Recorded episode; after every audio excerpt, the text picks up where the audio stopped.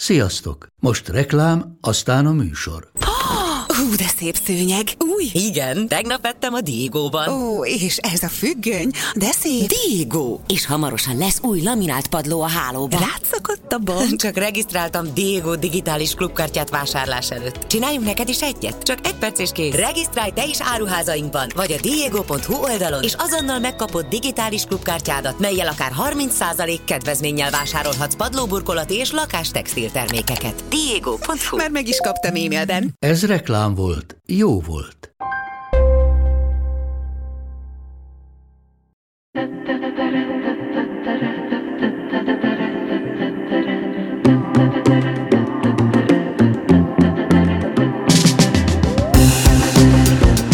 Sziasztok, Epres Panni vagyok, ez a Neked Könnyű podcast. Annyiszor mondjuk egymásnak ezt a frázist, pedig szerintem senkinek nem könnyű. Viszont ha odafigyelünk egymásra, és sokat beszélgetünk, akkor mindenkinek jobb lehet.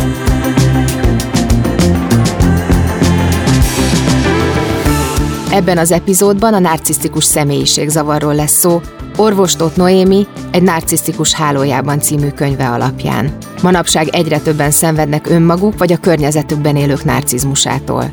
Kérdés, miként lehet felismerni a tüneteket, lehet-e azokat enyhíteni, illetve van-e kiút egy ilyen kapcsolatból. A harmonikus élethez nagyon fontos, hogy olyan emberekkel vegyük körül magunkat, akik hozzánk hasonlóan gondolkodnak, és egy podcast is akkor jó, ha olyan támogató áll mellé, akivel azonosak az értékeink. A neked könnyű legfontosabb partnere a Volvo Autó Hungária. Hogy miért találtunk egymásra, azt hallgassátok meg tőlük. Utána pedig rögtön kezdjük a beszélgetést.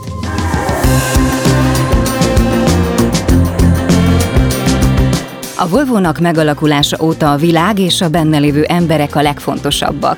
Tudjuk, milyen nehéz a gyorsan és folyton változó világunkban helytállni, és hisszük, hogy a harmónia megteremtéséhez főként önismeretre, tudatosságra és időre van szükségünk. Ezért támogatjuk a Neked Könnyű podcastet, és ezért készítünk olyan intelligens, környezetbarát és emberközpontú technológiákkal felszerelt autókat, amelyek a közlekedés minden résztvevőjének, így a benne ülőknek is biztonságot és nyugalmat adnak.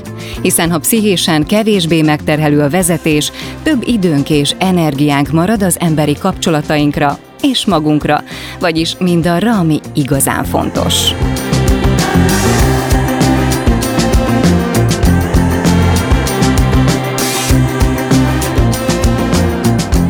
Azt hittem, hogy megfejtettem, hogy miről is szól ez a könyv, vagyis hogy én fejtettem meg legelőször, de aztán a végére rájöttem, hogy, hogy sajnos nem én voltam a nagyon okos, hanem hogy ez a könyv valójában nem is feltétlenül a narcisztikus emberekről szól, hanem arról, vagy akkor legalábbis számomra arról, hogy mennyire jó dolog pszichológushoz járni. Mm-hmm. Ezzel a céllal is írtad meg, hogy ez egy segítség legyen annak, akinek kételjei vannak, és a narcisztikus téma csak úgy el van benne rejtve. Mi hát, volt a cél? Egy narcisztikus témát nem lehet elrejteni. Pont attól, attól narcisztikus a történet, hogy az nem rejthető.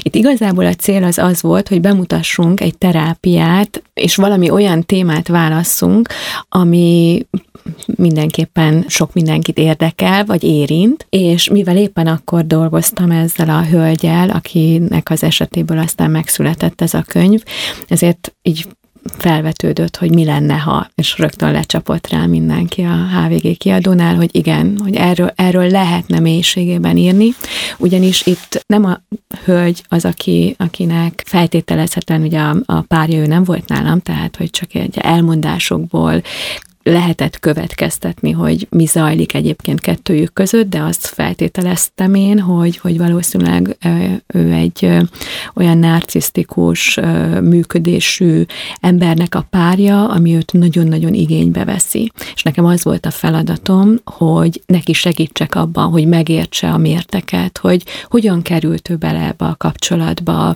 mi az, ami egyébként általánosan működik egy ilyen kapcsolatban, mi húz be, mitől olyan olyan varázslatos az eleje, mi történik utána, amikor éppen az a nagy varázslat, az idealizációnak az időszaka megszűnik, hogy az nem róla szól, az nem arról szól, hogy ő igazából értéktelen, és erre a másik rájön, hanem ez az általános nagy dinamikája ezeknek a párkapcsolatoknak. És az is egy nagyon fontos dolog volt, hogy a terápiának a fókuszába őt magát állítsuk, hogy milyen gyerekkori történetek voltak azok, amik mondjuk megágyaztak annak, hogy ő nem rendelkezett kellő énvédelemmel, nem tudott időben mondjuk kiszállni ebből a, ebből a kapcsolatból, nem érzékelte, nem látta a jelzéseket, vagy azokat a vörös zászlókat, amik mondjuk valószínűleg ott voltak, és hogy ő hogyan tud majd ebből a kapcsolatból kilépve újra önmagára találni, felépülni, mert azért azt tudjuk, hogy egy ilyen narcisztikus kapcsolatból, amikor kijön az ember, akkor gyógyulási időre van szükség. És hát ez, ezen mentünk végig itt ebben a, ebben a terápiában, és hát ebből született a könyv. Összefoglaltad nekem mm, nagyjából, hogy, hogy miről is szól ez a könyv, de muszáj visszamennem az elejére, Igen. hogy amikor felkérnek téged egy könyv megírására, vagy ennek a könyvnek a megírására, akkor az döntött el, hogy mi legyen a téma, ami éppen aktuálisan a legjobban foglalkoztatott téged, vagy ez egy olyan téma egyébként, amibe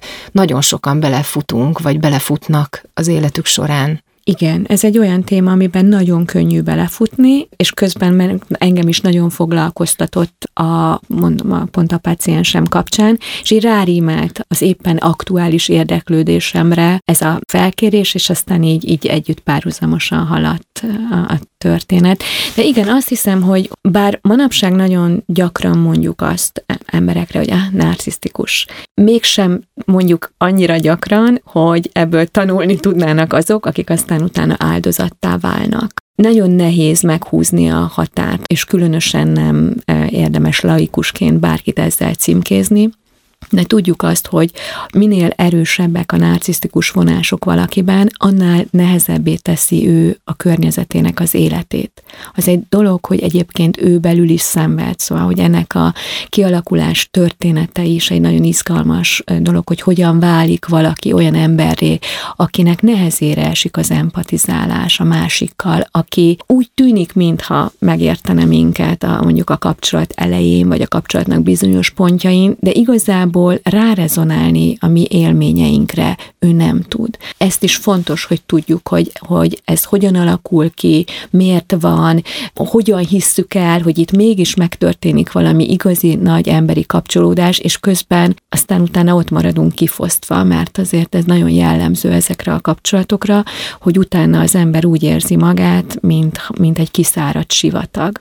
Ugyanis azok az emberek, akik erősebb narcisztikus vonásokkal rendelkeznek, és majd minden, mindjárt mondom, hogy miért hangsúlyozom, hogy erősebb, mert hogy egyébként mindannyiunkban vannak, és nem ezzel nincs is baj. Tehát, hogy akinél ez így egy kicsit túlburjánzik, és minél inkább túlburjánzik, ő tényleg úgy működik ezekben a, az emberi kapcsolatokban, hogy szinte így rácsatlakozik a másikra, és így, így kiszippantja belőle azt, ami neki aktuálisan kell. Ez bármi lehet előre megfontolt szándékkal manipulál, vagy ez ösztönösen jön egy narcisztikus embernél, és érzi azt, hogy hogy kell kiszipolyozni saját magának azt, ami, ami táplálja az ő önérzetét, vagy hiúságát. Tulajdonképpen ez hiúság? Amit mondasz, hogy tudatosan, szándékosan megtéveszt is, tehát olyan is van, amikor ő tudatosan és minél inkább kóros a narcizmusa valakinek, annál jellemzőbb ez rá, hogy, hogy van egy szándékoltság emögött, de hogy ez automatikusan is így működik náluk. Tehát, hogy, hogy nem ismer másfajta működésmódot, hiszen valamikor az élete elején, amikor az ő személyisége formálódott, őt is valahogy így szerették, és most nagyon idézőjelbe teszem ezt a, ezt a szót, mert bár úgy tűnik, mondjuk a kapcsolat elején, hogy ő nagyon szeret, és elhalmoz minden földi jóval és csodálattal, igazából ennek nincs köze ahhoz az érett emberi kapcsolathoz, amire joggal mondhatjuk azt, hogy szeretet.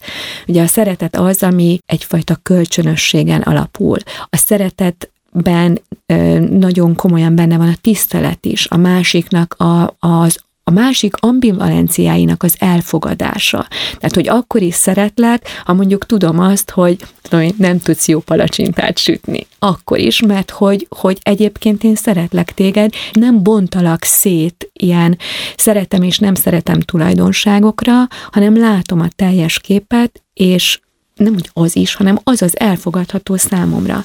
Na most a, a narcisztikus ember nem látja, mert hogy benne sem látták kora gyerekkorában, amikor meg kellett volna, hogy tapasztalja a feltétel nélküli elfogadást, akkor méricskélve volt a, az, a, az az odafordulás, amit ő kapott, és valamiért volt. Tehát nem önmagában, nem a szeretetért magáért, hanem valami feltételhez volt szabva. Mert kisfiam milyen jóképű, és akkor, akkor már milyen szép kisfiú, és akkor nagyon szeretgetem. Mert az én kisfiam korcsolyázik a legjobban, és akkor szeretgetem. Mert az én kisfiam szaval a legjobban, és akkor szeretgetem. Ugyanezt mondhatom kislányra is, de azért azt tudjuk, hogy még mindig több a férfiak között, még mindig van körülbelül négy-ötöde a narcisztikus személyiségzavarban szenvedőknek, ugye az, amit már klinikailag diagnosztizálni tudunk, még mindig négy-ötöde a, a férfi, de hogy nem kell feltétlen eljutni addig a végletig, hogy már egyébként tudjuk diagnosztizálni, mert mindenféle diagnózis nélkül is, tehát hogyha nem éri el azt a kategóriát, akkor is egy nagyon nehéz ember lehet valaki, hogyha ilyen vonásokkal rendelkezik. Hogyha az elején, a kapcsolat elején ennyire rajong a, a narcisztikus ember, akkor mitől van ez a, ez a fordulat, hogy utána leépíti a másikat? Tehát, hogy a rajongása mikortól válik uh-huh. azzá, hogy élvezi azt, Igen. hogy megalázhatja a másikat. Hát, hogyha nem is feltétlen megalázni, de mindenképpen egy olyan érzést kelteni a másikban, hogy ő értéktelen. Ugye itt a, az idealizációból csúszik bele a devalvációba, de hogy egyik sem a másikról szól. Tehát nem azért idealizál, mert a másik egy, nem tudom én, soha nem volt, soha nem lesz csoda, hanem egyszerűen azért, mert olyan szükségletét tudja pillanatnyilag, aktuálisan kielégíteni a másik, ami neki nagyon jó. Tehát ez a narcisztikus töltést biztosít a, a másik. Figyelem tulajdonképpen bármi lehet, tehát hogy a narcisztikusoknak a párválasztásában például mindig van egy, egy vezérmotívum. Valamire vágyik, amiről azt gondolja, hogy ha az neki lenne, attól ő értékesebb lenne. És akkor mondjuk, hogyha férfiak nem marulunk, akkor választ egy nagyon attraktív, dekoratív párt magának, megszereztem azt a nőt, itt sétál mellettem, ettől én vagyok több. Vagy választ egy, nem tudom én, nagyon tehetős valakit. Vagy választ egy híres valakit, valakit, mert az ő hírnevétől én is híres leszek, és az ő kapcsolati hálójába be tudok épülni, és az, az nekem jó lesz. Tehát, hogy mindig valami fajta eszközként tekint a másikra. Na de hát ugye ott a másik oldalon egy húsvér ember van, aki egy ideig tudja ebben a, ebben a nagy lila ködben mondjuk biztosítani számára azokat a funkciókat, amire neki szüksége van, mert bemutatja sok mindenkinek, mert mondjuk őt is elkápráztatja a narcisztikusnak a rajongása, és ettől nagyon odaadóvá válik, nagyon gyengéddé, nagyon szeretővé válik. Na de előbb-utóbb jön valami, ami a realitás, mondjuk megbetegszik, mondjuk nem ér rá, mondjuk a figyelme másfelé terelődik a párnak, és azt viszont már a, a narcisztikus ember nem nem jól tűri. Tehát neki alapvető problémája van a realitással. Ugye a realitásba ez is beletartozik, hogy ahogy halad előre a kapcsolat, ott azért jönnek zöggenők. Van, amikor nem úgy történnek a dolgok, mint ahogy azt egy hollywoodi filmben látjuk. Na ott már, ott már nem tud vele mit kezdeni a narcisztikus. Tehát konkrétan például, hogyha beteg a párja, és nem, nem éppen rajong érte, hanem az ágyban fekszik lázasan, azt, azt nem, tehát hogy azt már nem. Vagy a párján észrevesz bármit, ami számára nehezen elfogadható, és azt előbb-utóbb azért észreveszünk, hogy nézd már azért, nem tudom, nem takarít olyan tökéletesen. Néha ott hagyja a mosatlant a mosogatóba, hát akkor ott, ott beborul az egész kép, és onnantól kezdve már jön ez a leértékelés. És a könyvben olvastam, hogy, hogy tulajdonképpen egy skálán mozgunk mindannyian Így a narcisztikussággal kapcsolatban, és ez a bizonyos történet, vagy ennek a lánynak a története, akiről írtál, akkor nem feltétlenül úgy működik, ahogy én gondoltam, hogy aki a skálán nagyon a szélén van, az pont a másik szélét fogja választani. Tehát, hogyha egy nagyon narcisztikus ember nem választ automatikusan, tehát nem ez a szempont, hogy egy nagyon magát nem becsülő embert válasszon. Hajlik arra, hogy olyan embert válasszon, aki empatikusabb, mint a nagy átlag. Erre neki azért nagyon nagy szüksége van, ugyanis hihetetlenül fogyasztja a másiknak az energiáit, a figyelmét, a, a, az idejét állandóan, a, különösen ugye az elején ebben a szerelemmel való bombázási időszakban nagyon-nagyon kell neki a másikból nagyon sok minden. Ezt egy empatikus ember tudja biztosítani. Ugye általában azért az elején ugye elhangzik, hogy ő szegény, szerencsétlen, hogy azért ő, ő tulajdonképpen egyedül küzdi az életét, milyen nehéz neki, és ez már az a gomb, amit ugye megnyomva az empatikus emberbe, ő már rögtön akkor mellé áll, és támogatja, és csodálja, és, és ezt teszi azért, mert, mert erre képes, meg azt gondolja, hogy a, a szeretettel majd ezt az embert felemeli mm, egy olyan állapotba, amiben ő jól tud működni, netán megmenti, amikor már érzi, hogy itt, itt azért vannak sötétebb időszakok, akkor azt gondolja, hogy majd én a szeretetemmel meggyógyítom ezt az embert. Ez egy meddő vállalkozás lesz, nem lehet meggyógyítani, különösen nem így ebben ez egy ilyen párkapcsolatban, mert a narcisztikus biztos, hogy nem fog gyógyulni, míg a, a másik ember, a párja viszont biztos, hogy tönkre fog menni. Van az a fokú narcisztikusság, ami mondjuk egy szakember számára is menthetetlen? Tehát, hogy vissza lehet annyira csökkenteni, hogy, hogy egy egészséges párkapcsolatban éljen utána? Hát ugye akikkel már mi találkozunk, ők általában a család, a pár nyomására jönnek, a hozzátartozók nyomására, egyfajta ilyen zsarolás eredményeként, hogy most már tehát vagy elmész, vagy, vagy mi megyünk. És azt látom a tapasztalataimból, hogy nagyon kemény dió a terapeutának is egy narcisztikus emberrel foglalkozni, ugyanis ő a terápiában is narcisztikusan működik, és ott van a terapeuta, aki alapvetően már eleve azért lett segítő foglalkozású ember, mert nagyon érzékeny, mert nagyon öm, könnyen bekapcsol nála a támogatási az a működés, hogy ő támogasson valaki mást, és hát ott, ott is kialakulhatnak nagyon könnyen ezek a dinamikák, meg hát ő rögtön bekínálja azt, hogy na hát most ön milyen fantasztikus terapeuta, és én itt vagyok, mint ideális paciens, és én olyan gyorsan fogok gyógyulni, és akkor általában hoz is egy ilyen nagy változást az életébe, odafordul a gyereke felé például, miközben korábban nem nagyon tudott kapcsolódni a gyerekéhez, és akkor a terapeuta hátradől, és azt mondja, hú, milyen szuper, milyen jól működik ez a terápia, hiszen alig egy-két hónapon belül ő egy ilyen teljes átalakulást hozott. Hát ezek tiszavirág életű átalakulások szoktak lenni, de hogy nagyon kemény, ugyanis ahhoz, hogy ő elkezdjen gyógyulni, ezt a narcizmusát általában ugye valahogy így le kell építeni, na de utána az befordul egy depressziós fázisba, és azt nagyon nehezen viseli a páciens is, és a terapeutának is nagyon komoly erőfeszítésébe telik azt kibírni nem is nagyon szoktak éppen ezért egy, egy bizonyos idő után komolyabb terápiában lenni. Tehát általában ilyen mintha terápiákba járnak, ahol ők uralják a teret, megyek, amikor megyek, a kereteket nagyon rosszul tartják kifejezetten, elkésnek, lemondják az órát, később érkeznek, hamarabb akarják befejezni, mit tudom én, tehát, hogy valami, tehát mindenképpen ők uralják a teret. És ember legyen a talpán, meg terapeuta legyen a talpán, aki ezt így folyamatosan minden alkalommal tudja kontrollálni. Egy idő után pedig, pedig azt mondják, hogy na hát lám, lám, most már teljesen jól vagyok, és kilépnek a terápiából.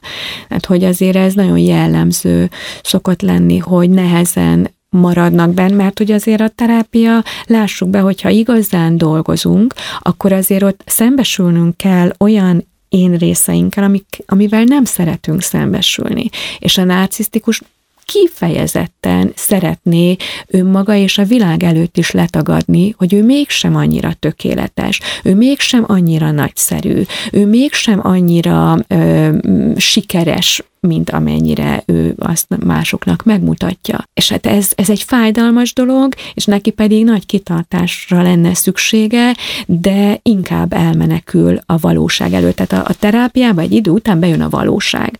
Most, hogyha valakinek a valósággal van baja, azt nem akarja látni, akkor nyilván nagyon nagy motiváció kellene, hogy bemaradjon. De hogyha csak, tehát hogy kevésbé narcisztikus az illető, akkor azért lehet szépen rávezetni arra, hogy te figyelj ide, kezdjünk el azzal dolgozni, hogy ki is vagy valójában. Hagyjuk ezt a ú, de fantasztikus vagy képet, engedjük ezt el, és nézzük meg, hogy hogy mi az, ami, amivel nem vagy elégedett, mi az, ami nem úgy működik. Vagy, hogyha van egy konfliktus, amit ő hoz, akkor nézzük meg, hogy te milyen szerepet játszottál abban a konfliktusban, mert hogy ez is tipikus, hogy a felelősséget maximálisan hárítja. Tehát egy, egy valamire való narcisztikus, az soha nem fogja azt mondani, hogy hát igen, ezt itt tényleg elrontottam, vagy ha mondja is, ez mondjuk tart egy, nem tudom én, három percig, és igazi belátás, igazi belső vététele ennek nincsen. Nyilván akkor a makulátlan énje hát sérül, akkor sérülne, igen. és akkor nem, nem lehet már olyan igen. büszkének lenni erre. Így van. Van megoldás arra, hogyha egy narcisztikus meg szeretné oldani ezt a problémáját? Hát ha már ő meg szeretné oldani, akkor az már egy, egy jó jel arra, hogy talán nem annyira súlyos a helyzet, nem annyira, tehát hogy a spektrumnak nem a legszélén helyezkedik el valahol.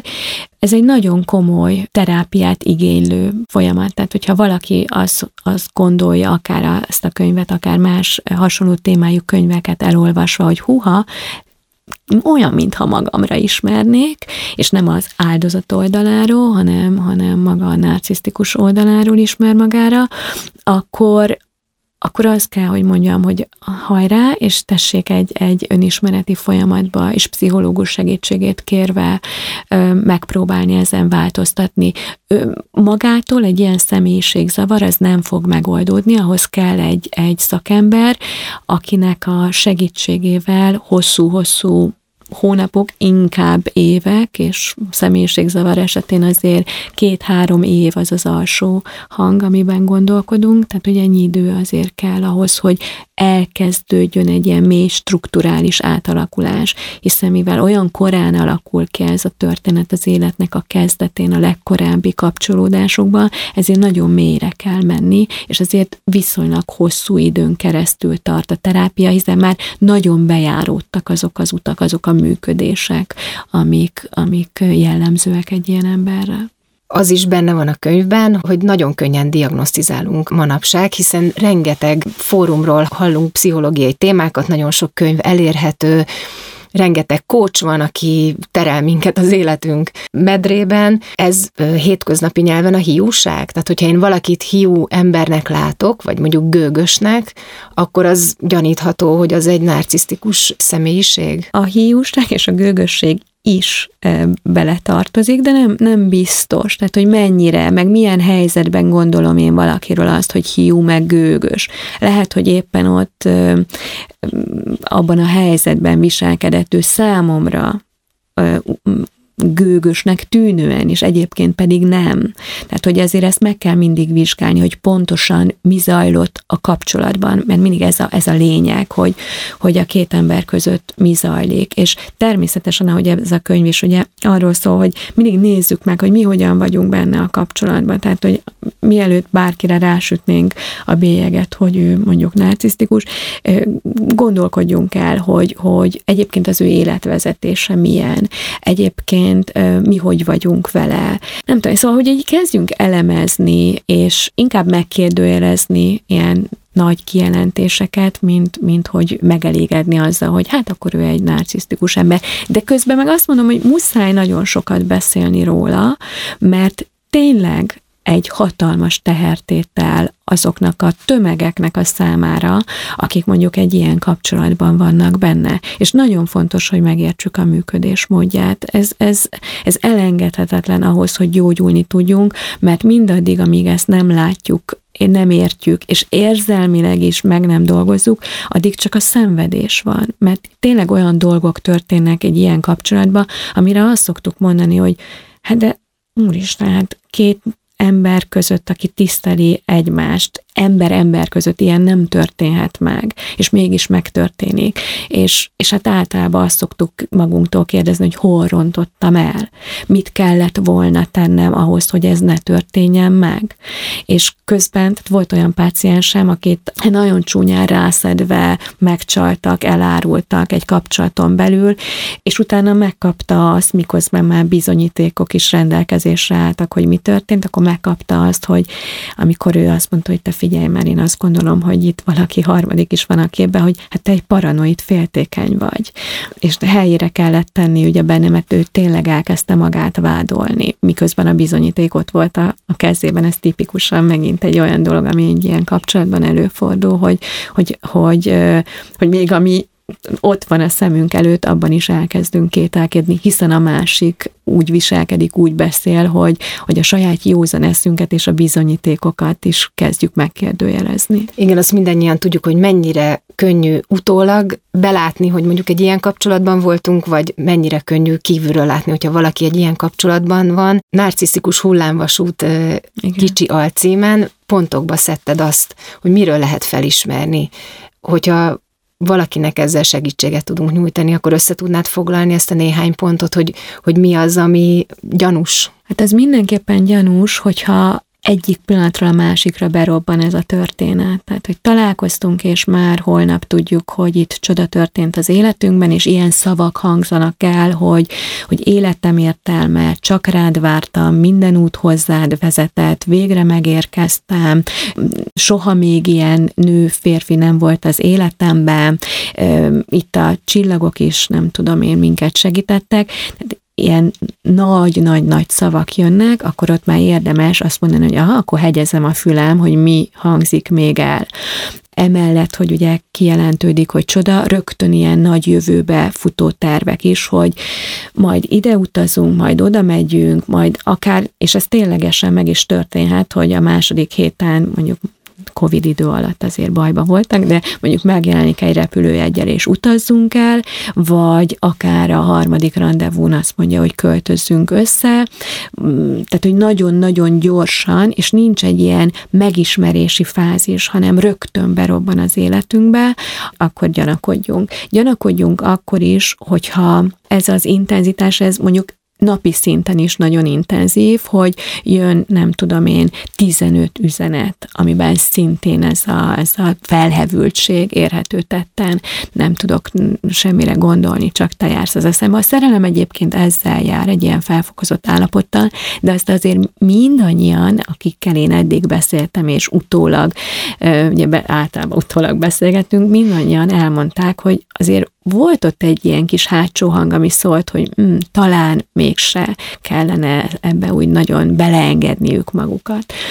Ugyanígy gondolkodjunk el azon, hogyha ha például nagyon gyorsan a kapcsolati rendszerünkbe ő szeretne beépülni, azonnal megismerkedni a, a barátainkkal, a családtagjainkkal, a rokonainkkal, az is mindenképpen egy intőjel, amikor ő, ő nagyon intenzíven érdeklődik a, az iránt, hogy ki kicsoda a mi életünkbe, hiszen nem csak mi, hanem ahogy mondtam, a kapcsolati hálónk is egyfajta ellátmányként szolgál az ő narcisztikus kielégüléséhez. Gyanakodjunk akkor, amikor megpróbál minket mondjuk leválasztani az addig működő baráti, rokoni, családi kapcsolatunkról, és megpróbál izolálni, hogy mm, azok hülyék, mm, nem kell velük annyi időt tölteni, inkább velem legyél ugyanis egy egészséges ember az úgy működik, hogy neki is vannak egyébként rajtunk kívül kapcsolatai, barátai, családja, akikkel egészséges és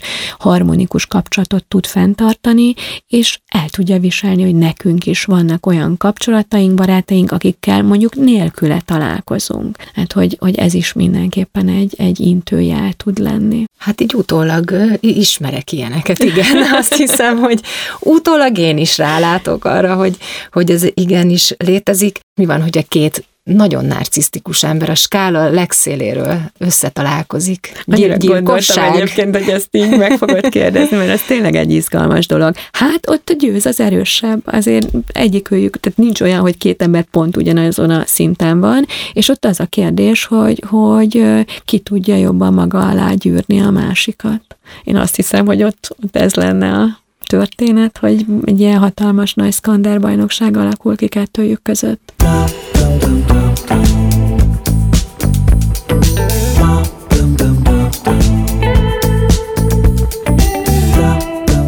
A Neked Könnyű podcastet hallottátok. Azért indítottam el ezt a műsort, mert ha jobban értjük a belső működésünket, akkor nyitottabbak vagyunk egymás felé, és persze közelebb kerülünk saját magunkhoz is.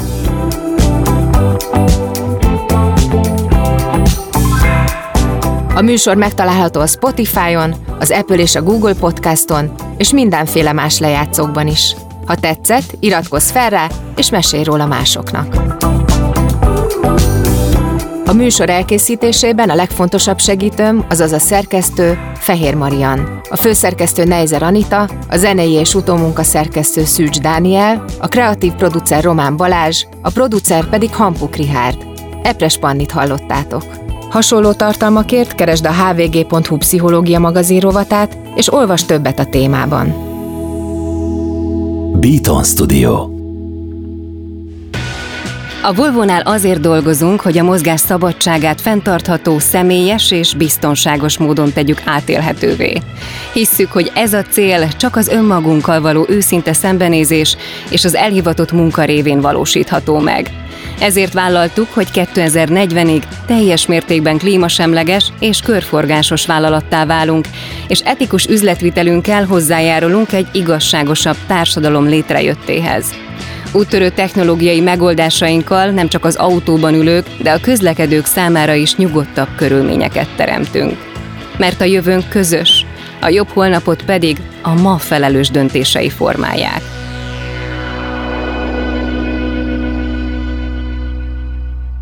Ha más podcastekre is kíváncsi vagy, hallgassd meg a Béton műsor ajánlóját.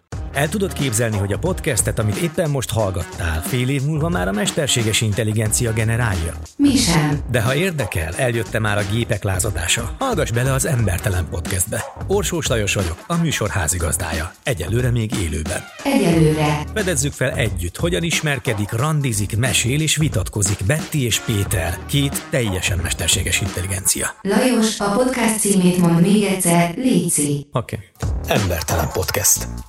Ez egy Béton podcast.